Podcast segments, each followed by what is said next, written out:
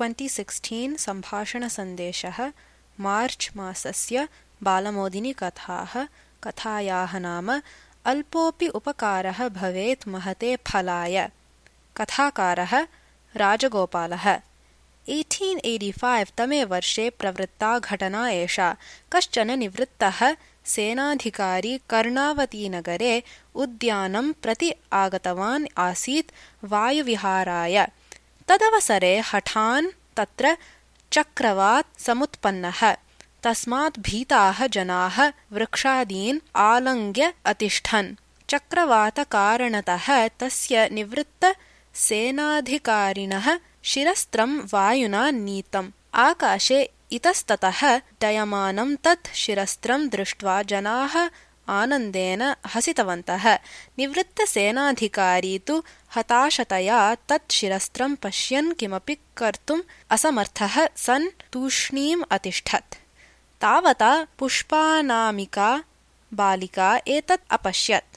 सा चक्रवातबाधामपि अपेक्ष्य धैर्येण अग्रे गत्वा प्रयत्नेन तत् शिरस्त्रं गृहीत्वा आनीय तस्मै सेनाधिकारिणे अयच्छत् सः सेनाधिकारी तस्यै कृतज्ञतां समर्प्य मम नाम नल्सन् इति। स्वपरिचयम् उक्त्वा तस्याः नामसङ्केतादिकं स्वीये लघुपुस्तके लिखित्वा ततः निर्गतः। ततः द्वात्रिंशत् वर्षाणि अतीतानि।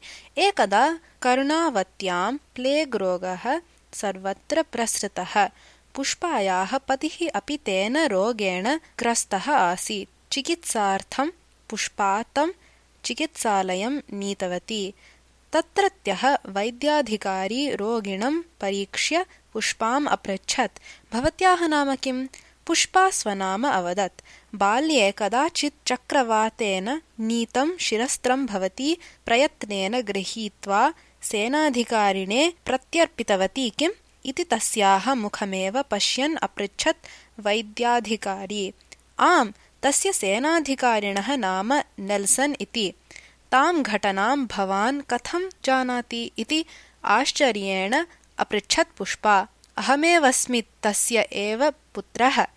भवत्याः नामधिकं नामादिकम् उक्त्वा मम पिता सूचितवान् आसीत् यत् सा यदि कदाचित् मिलेत् तर्हि त्वया तस्याः साहाय्यं करणीयम् इति। दैवयोगात् अद्य भवती मिलिता इति। ततः सः वैद्यः पुष्पायाः पत्युः चिकित्सार्थं समुचितां व्यवस्थाम् अकरोत्।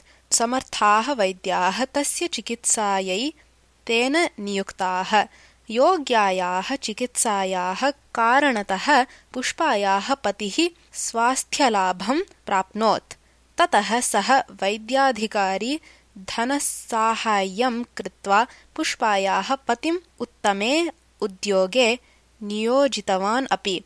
कदाचित् कृतः अल्पः उपकारः अहो महत् एव फलं प्रादात् इति स्वगतम् अवदत् पुष्पा नल्सन्वर्यस्य तत्पुत्रस्य वैद्याधिकारिणः च औदार्यं कृतज्ञतापूर्वकं स्मरन्ती। कथा समाप्ता